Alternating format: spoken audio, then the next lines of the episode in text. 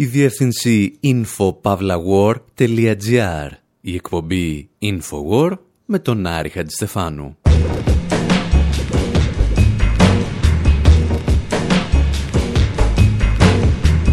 όπου σήμερα αποφασίζουμε να τιμωρήσουμε τον Ιάσονα για την προδοσία του, ακόμη και αν χρειαστεί να σφάξουμε τα παιδιά μας. Αφήνουμε τους Kaiser Chiefs να συνομιλούν με τον Ευρυπίδη, ενώ στο βάθος τους παρακολουθεί ο Ριχάρδος ο Τρίτος μαζί με τον Αλπατσίνο. Διηγούμαστε δηλαδή σκόρπιες σκέψεις με αφορμή το ντοκιμαντέρ «Μύδια κρίσεων των εμών βουλευμάτων» που θα προβάλλεται από την 5η 24 Νοεμβρίου στο Τριανό. Και ύστερα, με αφορμή την οργή της Μύδιας, θυμόμαστε και κάτι άλλες κυρίες που τα έκαναν γυαλιά καρφιά σε έργα του Μπρέχτ ή του Λάρσον Τρίερ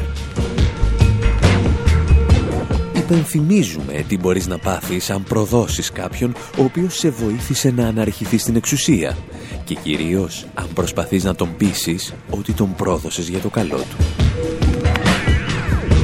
Πρώτα όμως θα αφήσουμε τους Kaiser Chiefs να μας πούν μια ιστορία για ψηλά τακούνια, ασπίδες και τιμίδια.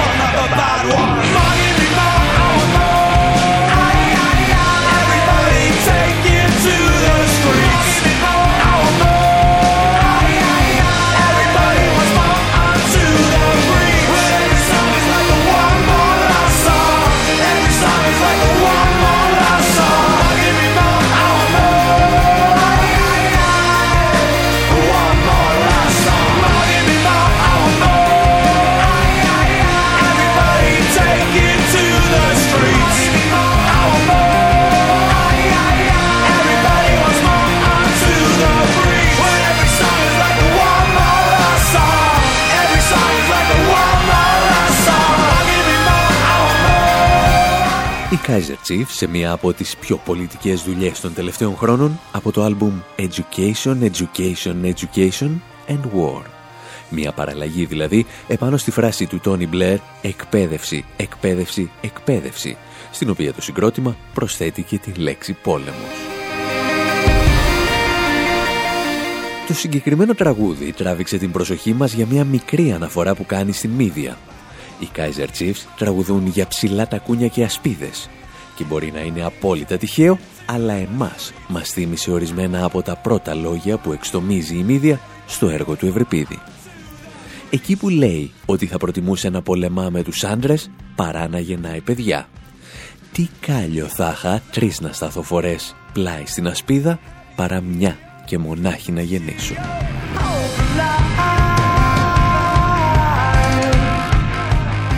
Και για αυτή τη γυναίκα σκεφτήκαμε να σας μιλήσουμε σήμερα. Δρός καρδιά μου οπλίσου.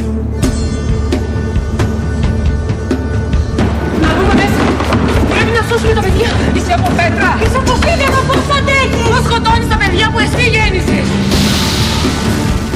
Αφορμή αποτέλεσε, όπως σας είπαμε, το δραματοποιημένο ντοκιμαντέρ «Μύδια κρίσεων των εμών βουλευμάτων» του Νίκου Γραμματικού, από που και το τρέιλερ που ακούμε. Μια δουλειά που έρχεται αρχικά στον κινηματογράφο Τριανών στην Αθήνα από τις 24 Νοεμβρίου. Μια ευφιέστατη παραγωγή, την οποία ο σκηνοθέτης εμπνεύστηκε από την ταινία «Αναζητώντας τον Ριχάρδο» του Αλπατσίνο. Al Pacino's looking for Richard. Who's going to say action around here? I don't want to. Now is the winter of our discontent. Now is the winter of our discontent. Is the winter of our discontent. Discontent. Όπως και στο αναζητώντας τον Ριχάρδο, έτσι και στη μύδια του γραμματικού, η προβολή τελειώνει και ακόμη δεν είσαι σίγουρος αν παρακολούθησες μια κλασική τραγωδία, ένα ντοκιμαντέρ ή μια ταινία μυθοπλασίας. Και εκεί ακριβώς βρίσκεται η μαγεία. Τα γυρίσματα περιλαμβάνουν από πρόβες παράστασης μέχρι το λόγο του Πανεπιστημιακού Νίκου Χορμουζιάδη, και αυτός ο λόγος με τη σειρά του αναμειγνύεται με τις απόψεις περαστικών στο δρόμο. Ανθρώπων που προφανώς έχουν άποψη για τη μύδια. Και ίσως αυτό το σημείο να άρεσε περισσότερο και στον Ευρυπίδη. Ότι το έργο του δεν αφορά θεούς, αλλά ανθρώπους. Αναμειγνύεται με την καθημερινότητά τους στους δρόμους της Αθήνας. Και αν δεν θυμάστε τι ακριβώς συνέβαινε στη Μύδια, θα αφήσουμε τον ίδιο τον σκηνοθέτη να μας θυμίσει την ιστορία του Ιάσονα, των αργοναυτών και της ίδιας της Μύδιας. Έτσι, απλά, σαν να κάθεστε σε ένα παγκάκι και να τα λέτε με ένα φίλο σας. The dragon. We are heading straight for the sun.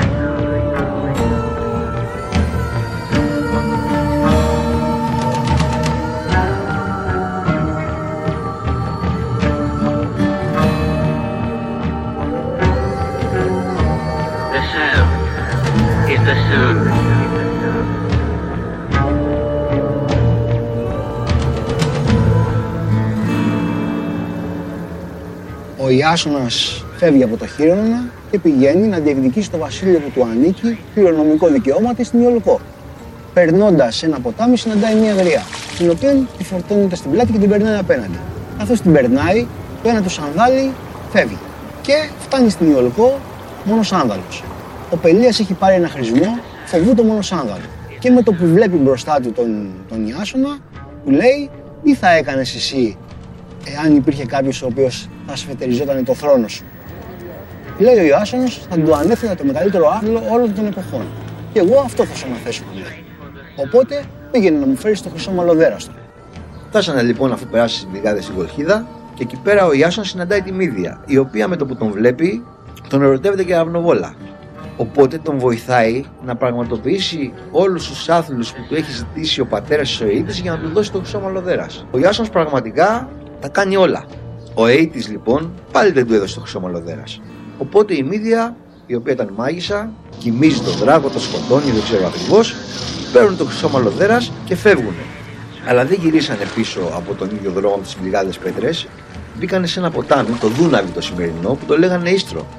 Η Μύδια είχε πάρει μαζί της και το μικρό της αδέρφο τον Άψυρτο. Όταν είδε τον πατέρα της να τους κυνηγάει, η Μύδια από ίστο για τον Ιάσονα παίρνει τον αδελφό της και τον κάνει κομματάκια και τον πετάει στο νερό, δόλωμα όχι για τα ψάρια αλλά για τον πατέρα της που τους κυνηγούσε. Και τα μάζευε ο γαϊμένος ο τη ένα-ένα τα κομμάτια του γιού του. Μέχρι που ο Ιάσονα γνωρίζει την Γλάφκη, την κόρη του γέρου βασιλιά της Κορίνθου του Κρέοντα. Αυτός ήθελε έτσι κι αλλιώς πάντα να γίνει βασιλιάς. Το μόνο που ήθελε στη ζωή του ήταν να γίνει βασιλιάς και τώρα του δόθηκε ευκαιρία. Χωρίς τη μύδια λοιπόν, παντρεύεται τη Γλάφκη και εκεί αρχίζει το έργο. Από το μύθο στην πραγματικότητα.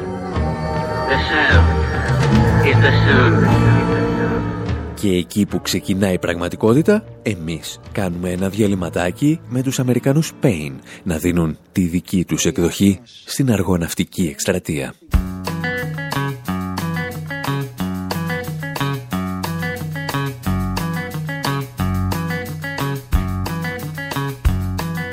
The Argonauts always intrigue me. They typified every man. Happy unless something popped up that wasn't part of the plan. But there'd been no pretension of plans from the start. So why did they go? Were they stupid and slow? They were so cocky and sure at the start of the show. But when the sails hung flat and the Argo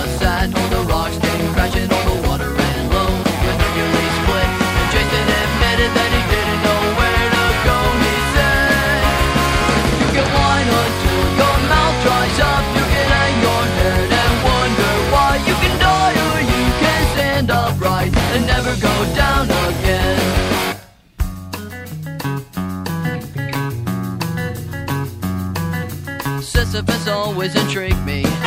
He never decided to stop. The point of it lay in the trying and not in attaining the top. Granted, he didn't have much of a choice, and neither do you, and neither do I, and neither do you, and neither do I. And even Mr. Moneybags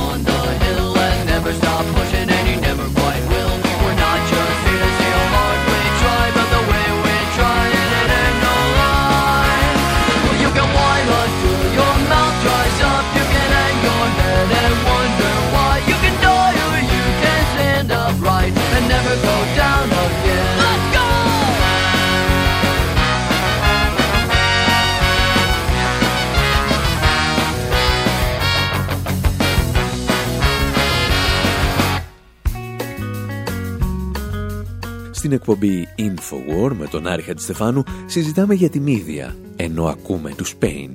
Ένα συγκρότημα που δεν έχει τραγουδήσει ούτε στίχο από το 1999.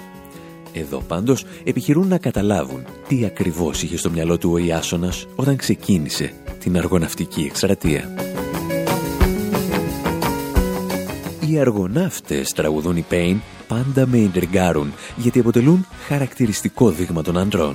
Είναι πάντα ευτυχισμένοι εκτός από τις στιγμές που εμφανίζεται μπροστά τους κάποιο εμπόδιο το οποίο δεν είχαν προβλέψει στα σχέδιά τους. The Argonauts always intrigue me. Οι συγκεκριμένοι τύποι όμως, συνεχίζουν οι Pain, δεν είχαν το παραμικρό σχέδιο στο μυαλό τους όταν ξεκινούσαν το ταξίδι τους. Και το ερώτημα είναι, ήταν τόσο ηλίθιοι και καθυστερημένοι όταν ξεκινούσαν γεμάτοι σιγουριά και αυτοπεποίθηση; Why did they go? Were they stupid and slow? They were so cocky and sure at the start of the show.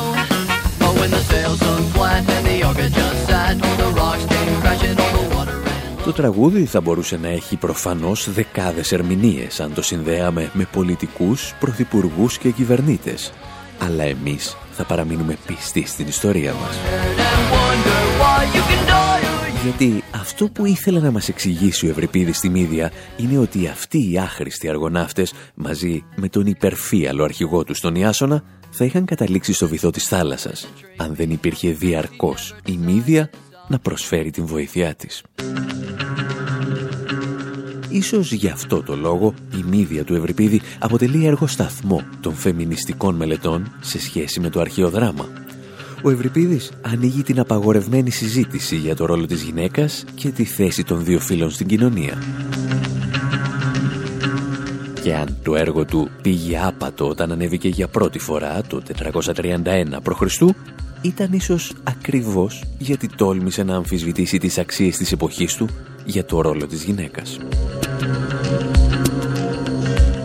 Εμάς πάλι το έργο μας συναρπάζει γιατί ο Ευρυπίδης αποδομεί όσο δεν παίρνει τον Ιάσονα.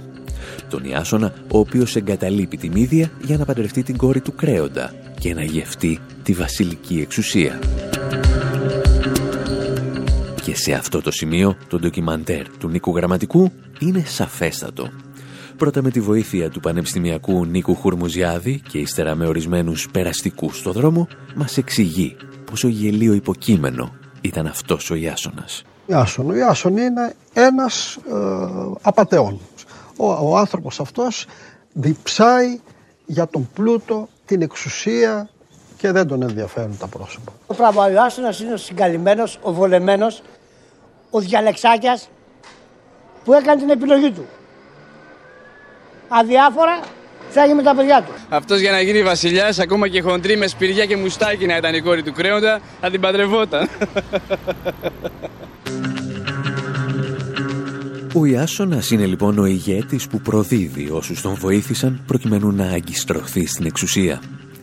Και αν υπάρχει κάτι που τον κάνει ακόμη πιο συχαμένο στα μάτια μας είναι ότι προσπαθεί να δικαιολογηθεί λέγοντας ότι όλα αυτά τα έκανε για το καλό αυτόν που πρόδωσε.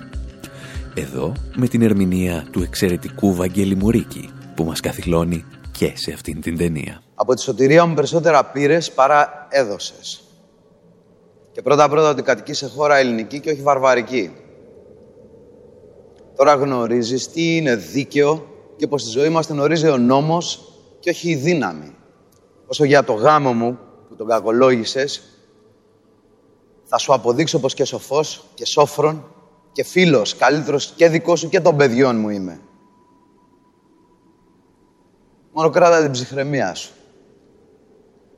Γιατί όταν εγώ ήρθα εδώ από την Ιολκό φορτωμένος όλα αυτά τα βάρη, εξόριστος, ξένος μεταξύ ξένων, τι θα ήταν καλύτερο από το να παντρευτώ του άρχοντα την κόρη; Να ζούμε άνετα, χωρίς τίποτα να μας λείπει. Ξέροντας μάλιστα πολύ καλά πως όλοι, ακόμα και οι φίλοι, το φτωχό τον αποφεύγουν. Εγώ ήθελα να αναθρέψω τα παιδιά μου αντάξια του οίκου μου. Και δίνοντάς τους αδέρφια βασιλικά στην ίδια μοίρα να έχω και τα δικά σου τα παιδιά. Λάθος κάνω. Σας ρωτάω, λάθος κάνω. Ο Ιάσονας λοιπόν, γατζωμένος στο θρόνο του, μας εξηγεί ότι ήθελε την εξουσία για το καλό των ανθρώπων που τον εμπιστεύτηκαν και αυτός τους πρόδωσε. Και αν αυτό σας θυμίζει κάτι, μάλλον κάνετε κάποιο λάθος. Γιατί εμείς συζητάμε για μια τραγωδία ηλικίας 2.447 ετών, η οποία τι σχέση μπορεί να έχει με το σήμερα. Γι' αυτό το λόγο παίρνουμε μια πιο σύγχρονη μουσική ανάσα με το συγκρότημα XTC να τραγουδά το Jason and the Argonauts, ο Ιάσονας και οι Αργοναύτες.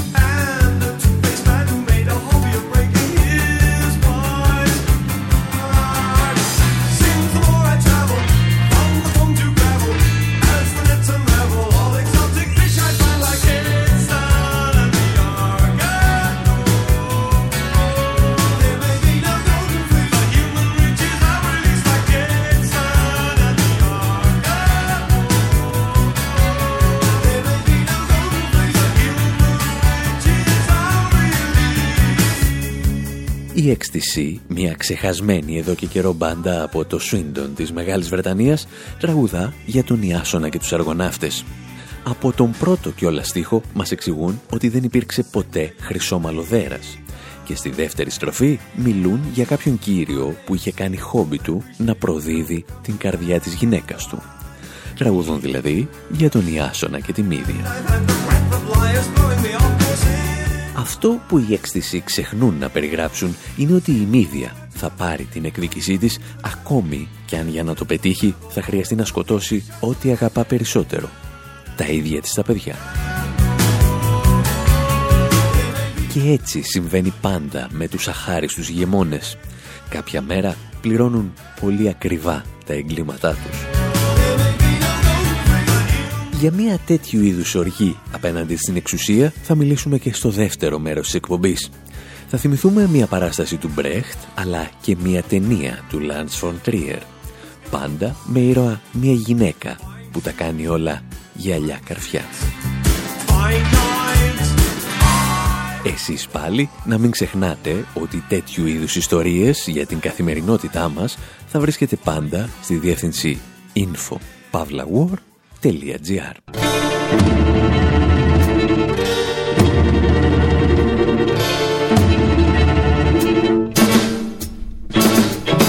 Minotaur's my butler, the Cyclops my valet.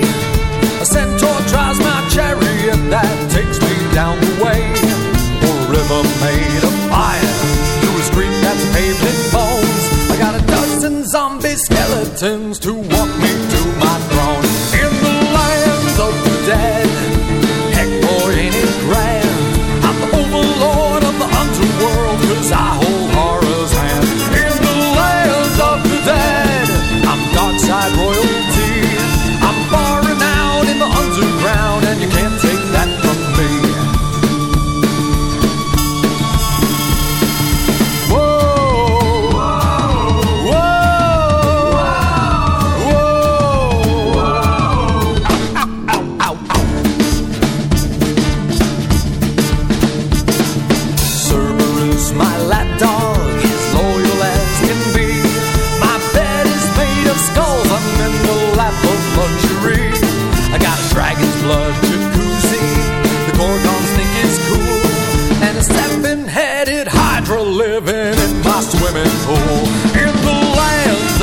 heck boy ain't it grand. I'm the overlord of the underworld, cause I hold horror's hand. In the land of the dead, I'm dark side royalty. I'm far renowned in the underground, and you can't take that away from me. No, you can't take that from me.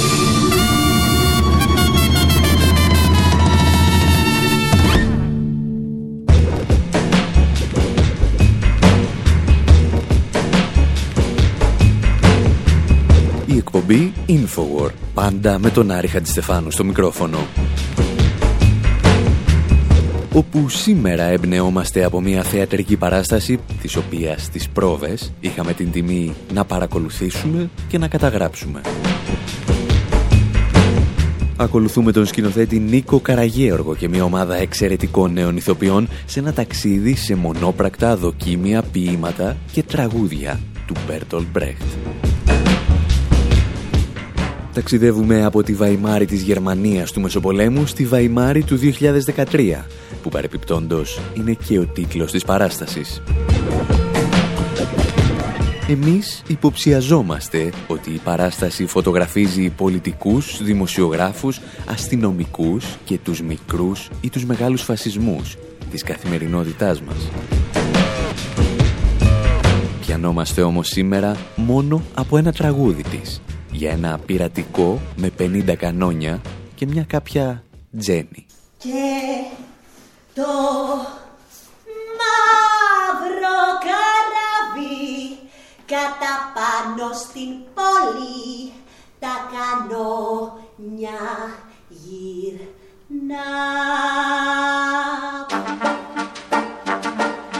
Meine Herren, heute sehen Sie mich Gläser abwaschen und ich mache das Bett für jeden. Und Sie geben mir einen Penny und ich bedanke mich schnell. Und Sie sehen meine Lumpen und das lumpige Hotel und Sie wissen nicht, mit wem Sie reden. Und Sie wissen nicht, mit wem Sie reden. Aber eines Tages wird ein Geschrei sein am Hafen und man fragt, was ist das für ein Geschrei? Und man wird mich lächeln sehen bei meinen Gläsern. Und man fragt, was lächelt die dabei? Und ein Schiff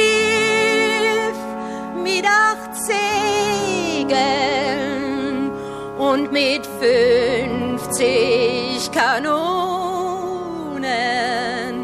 wird liegen am Kai. Man sagt, gewisch deine Gläser, mein Kind, und man reicht mit dem Penny hin. Und der Penny wird genommen und das Bett wird gemacht. Es wird keiner mehr drin schlafen in dieser Nacht. Und die wissen immer noch nicht, wer ich bin. Und die wissen immer noch nicht, wer ich bin. Und in dieser Nacht wird ein Getös sein am Hafen und man fragt, was ist das für ein Getös? Und man wird mich stehen sehen hinterm Fenster. Und man fragt, was lächelt die so bös? Und ein Schiff mit acht Segeln und mit 50 Kanonen wird beschießen die Stadt. Από την παράσταση Βαϊμάρη 2013 περάσαμε, όπως θα καταλάβατε, στην αληθινή δημοκρατία της Βαϊμάρης, στη Γερμανία. Mauern werden fallen hin. Und am dritten Tage ist die Stadt im Erd. Είναι 31 Αυγούστου του 1928. Ο Χίτλερ διεκδικεί ήδη την εξουσία με τη βοήθεια του συνδέσμου των Γερμανών βιομηχάνων. Γιατί κάθε καλός ναζιστής που σέβεται τον εαυτό του έχει πάντα τη στήριξη των βιομηχάνων και ενίοτε και των εφοπλιστών. Για την ακρίβεια είναι δημιούργημά τους. Αλλά αυτό θα το συζητήσουμε μια άλλη φορά.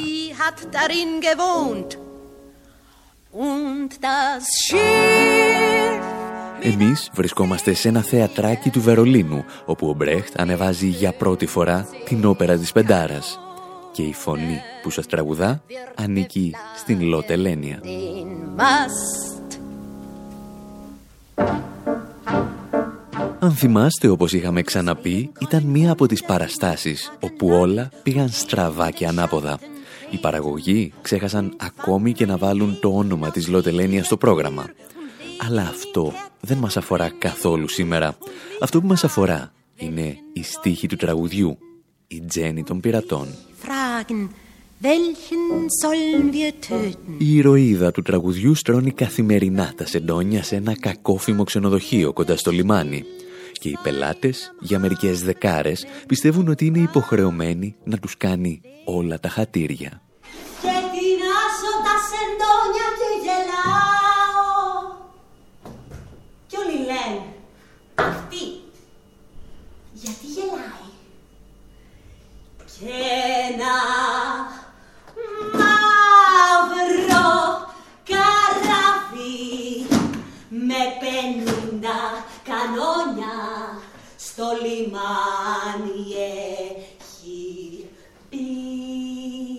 Μέχρι που μία ημέρα λοιπόν φτάνει στο λιμάνι ένα πειρατικό με 50 κανόνια. Και οι πειρατές ισοπεδώνουν τα πάντα. Τα πάντα εκτός από εκείνο το κακόφημο ξενοδοχείο. Κύριοι μου, καλή, τώρα πια δεν γελάτε, τώρα η πόλη έχει γκρεμιστεί. Κι όλα τα χαμοσπιτά σας τα γκρεμίσαν σε μια νύχτα. Απομένει μονάχα το μπουρδέλο του το εδώ. Και απορείτε γιατί το άφησαν αυτό. Και απορείτε γιατί το άφησαν αυτό. Οι πειρατές έχουν έρθει για να σώσουν την Τζέννη και να κάνουν ό,τι τους ζητήσει.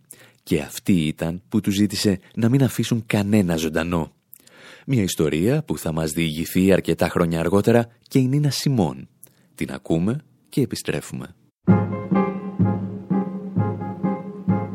You people can watch while I'm scrubbing these floors, and I'm scrubbing the floors while you're gawking.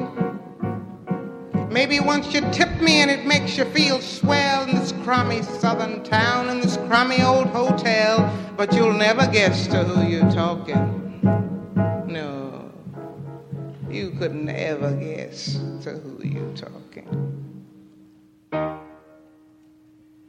Then one night there's a scream in the night, and you wonder who could that have been? And you see me kind of grinning while I'm scrubbing, and you say, What she got to grin? I'll tell you. There's a ship, the black freighter with a skull on its masthead will be coming in.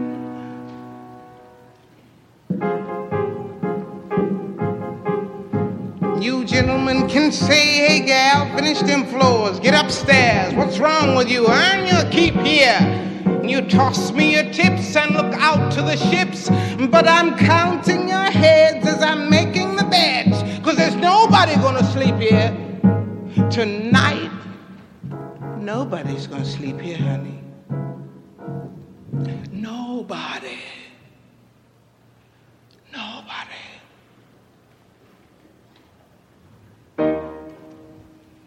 Then one night, there's a scream you say, Who's that kicking up a row? And you see me kind of staring out the window, and you say, What's she got to stare at now? I'll tell you, there's a ship. The black freighter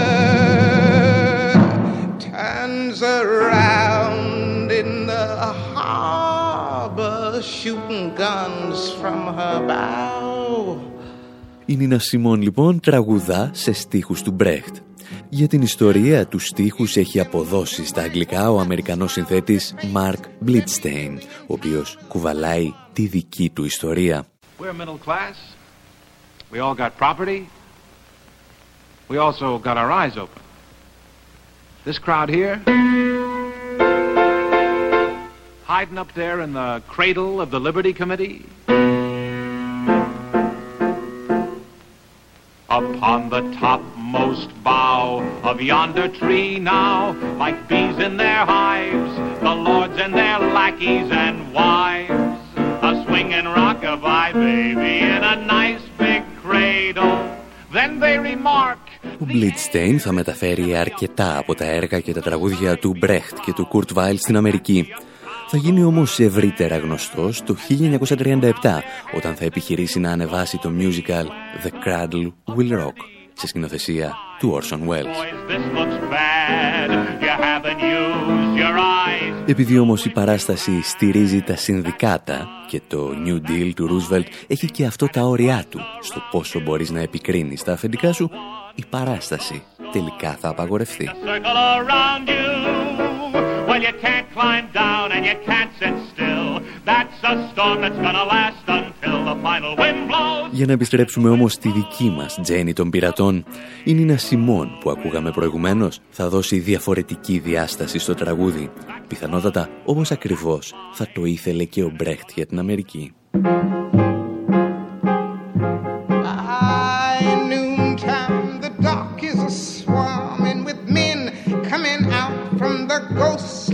praise.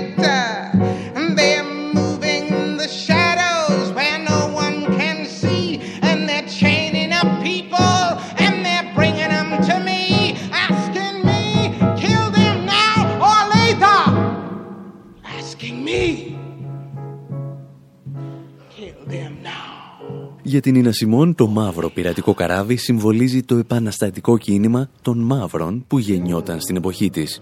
Ένα κύμα καταπιεσμένων πρώην σκλάβων, οι οποίοι μετατρέπονται σε μισθωτούς σκλάβους και στηβάζονται σε γκέτο. You can hear. Το αμερικανικό σύστημα τους απομάκρυνε για να μην ενοχλούν τους WASP, τους λευκούς Αγγλοσάξονες προτεστάντες, τη μαγική μεσαία τάξη που θα απολάμβανε το μεταπολεμικό οικονομικό θαύμα. death, I'll say,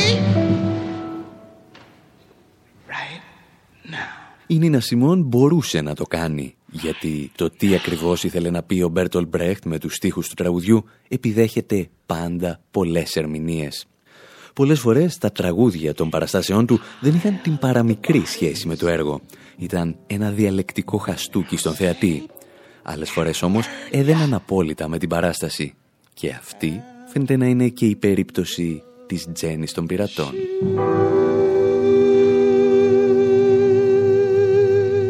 Όπως σωστά ανακαλύπτει και η Νίνα Σιμών, το πειρατικό είναι η άγρια απάντηση των καταπιεσμένων.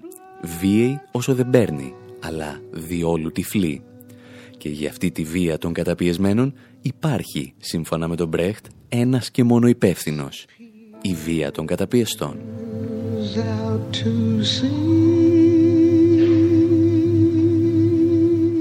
Τα έλεγαν όμως πολύ καλύτερα οι Γερμανοί The Young Gods στην αγαπημένη μας ίσως διασκευή για την Τζέννη των πειρατών. Meine Herren, heute sehen Sie mich lesen, erwaschen. Ich mache das Bett für jeden. Geben einen Penny, ich bedanke mich schnell. Sie sehen meine Lumpen und die sumpige Hotel. Und Sie wissen nicht, mit wem Sie reden. Sie wissen nicht, mit wem Sie reden. Aber eines Tages wir ein Geschrei seinem Hafen und man fragt, was ist das für ein Geschrei? Und man wird mich lächeln sehen bei meinem Gläsen. Und man fragt, was lächelt sie dabei?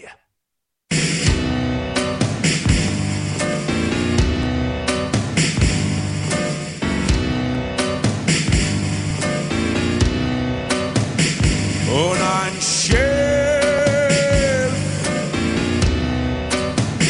mit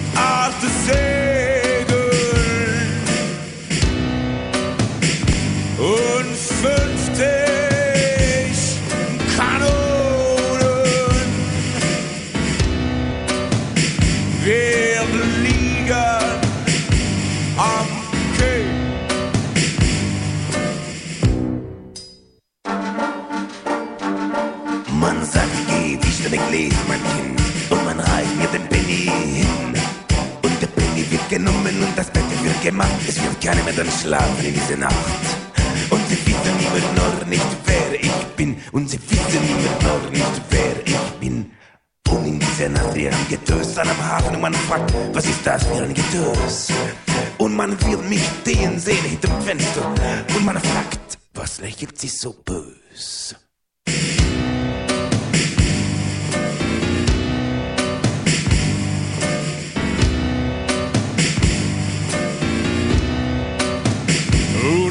Ein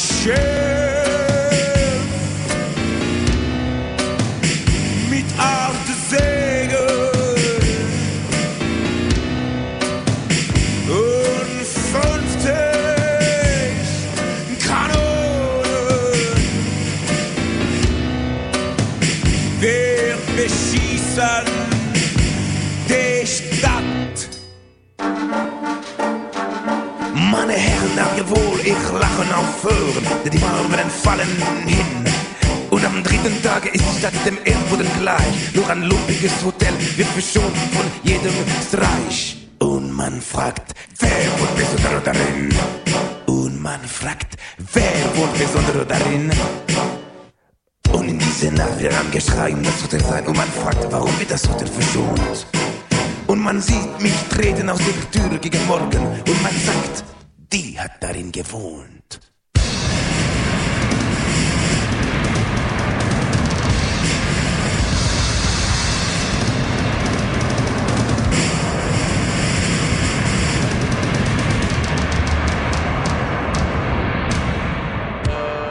Παραμένετε στην εκπομπή Infowar με τον Άρη Χατζηστεφάνου, όπου σήμερα εμπνέεται από την παράσταση Βαϊμάρι 2013.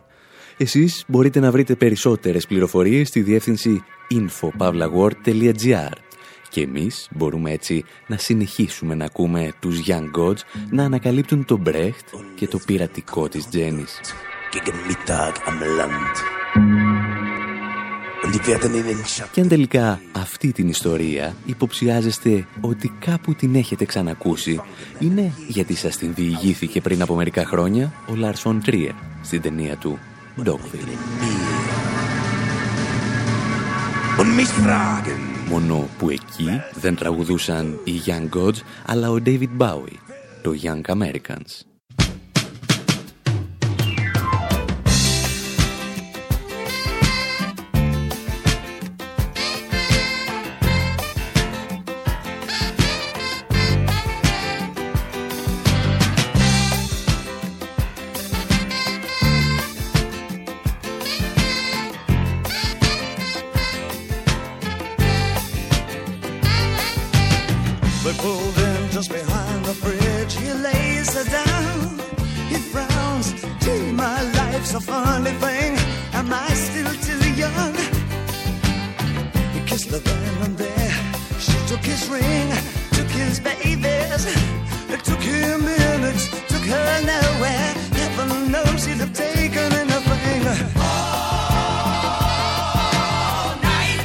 conseguió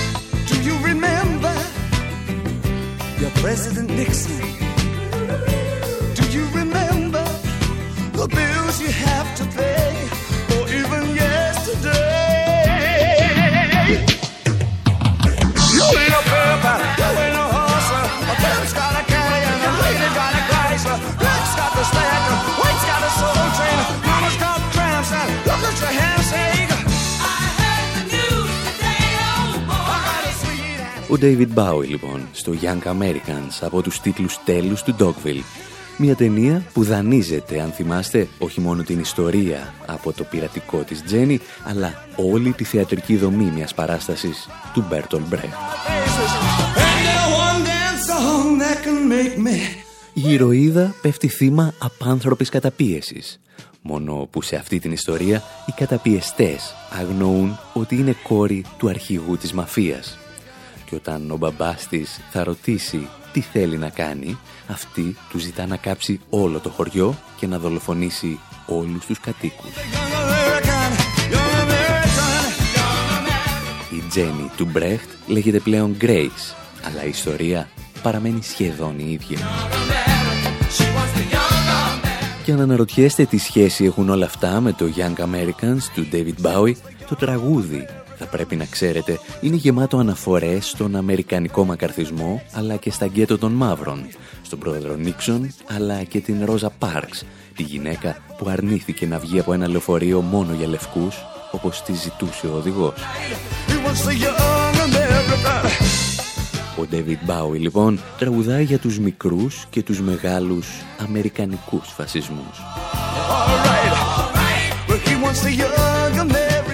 Και ένας από αυτούς τους φασισμούς που τότε άκουγε στο όνομα Μακαρθισμός θα στραφεί και εναντίον του ίδιου του Μπρέχτ ο οποίος να θυμίσουμε βρέθηκε για πρώτη φορά στις Ηνωμένες Πολιτείες για να γλιτώσει από τις ναζιστικές θηριωδίες. Your President Nixon. Στο απόγειο του μακαρθισμού η Επιτροπή Αντιαμερικανικών Δραστηριοτήτων θα καλέσει τον Μπρέχτ να απολογηθεί για το αν υπήρχαν ιδέες του Μάρξ και του Λένιν στα έργα του. Και αυτός, γνωρίζοντας από πρώτο χέρι ότι ο φασισμός, όπως και η βλακεία, είναι ανίκητα, θα προτιμήσει να παίξει το παιχνίδι των ιεροεξεταστών του, κοροϊδεύοντας την Επιτροπή. Uh, Mr. Bragg, is it true that you have written a number of very revolutionary poems, plays, and other writings? Όταν τον ρωτούσαν αν έγραφε επαναστατικά ποίηματα, τους απαντούσε ότι τα έγραφε για να ανατρέψει τον Χίτλερ. Όταν τον ρωτούν αν συμμετείχε σε συναντήσεις του Κομμουνιστικού Κόμματος, τους απαντά πιθανότατα όχι. Και όταν αυτοί επιμένουν, τους έλεγε «Είμαι σχεδόν σίγουρος πως μάλλον όχι. Και όταν τα πράγματα ζόριζαν, τα μέλη της Επιτροπής άρχιζαν να διαβάζουν μέσα στην αίθουσα ποίηματα του Μπρέχτ. Και όσοι έχετε διαβάσει το κείμενο του Μπρέχτ «Πέντε δυσκολίες για να πει κανείς την αλήθεια» θα καταλάβατε ήδη ότι ο ποιητής μας είχε κερδίσει και αυτή τη μάχη. Το να οδηγήσει τους ιεροεξεταστές σου να διαβάζουν μαρξιστικά ποίηματα μέσα στην Επιτροπή Αντιαμερικανικών Δραστηριοτήτων είναι και αυτό μια νίκη της λογικής απέναντι στην ηλικιότητα.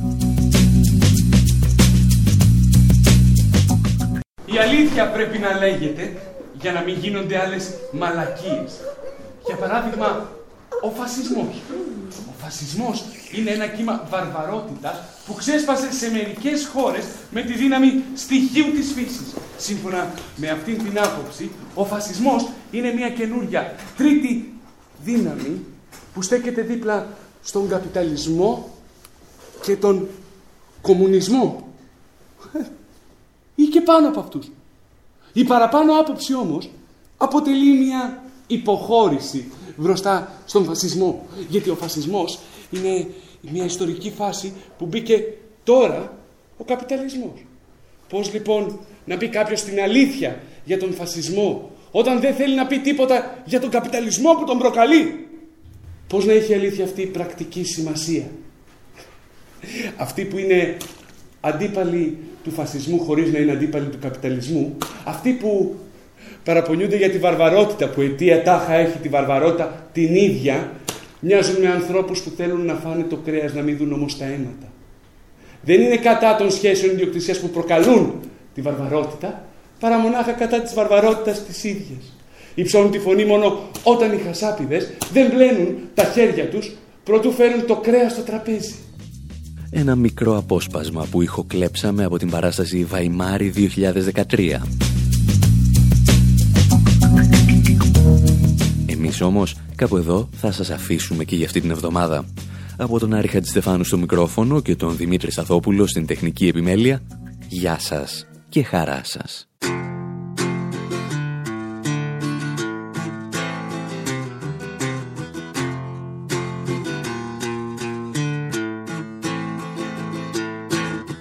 Ποιος σκάει, ο κόσμος καλχαλάει Αυτή η βρωμοάνοιξη σας φούρα με γυρνάει σαν σαράβαλο σε κάτι φορά πάει.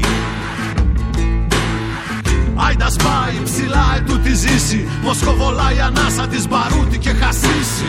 Κι η καρδιά μου σαν σαράβαλο κορμά να τη φύσει Ποιος κλαίει μέσα μου και μου λέει Ξύπνα δεν είναι όνειρο το χιόνι που μας καίει. Η φτώχεια είναι πιο φρόνιμη αν νιώθει ότι φταίει Ποιος κάει, ο κόσμος που το πάει. Αυτή η βρωμοάνοιξη με σχίζει, με μεθάει. Κι η καρδιά μου σαν σαράβαλος στα αστέρια ξεφυσάει.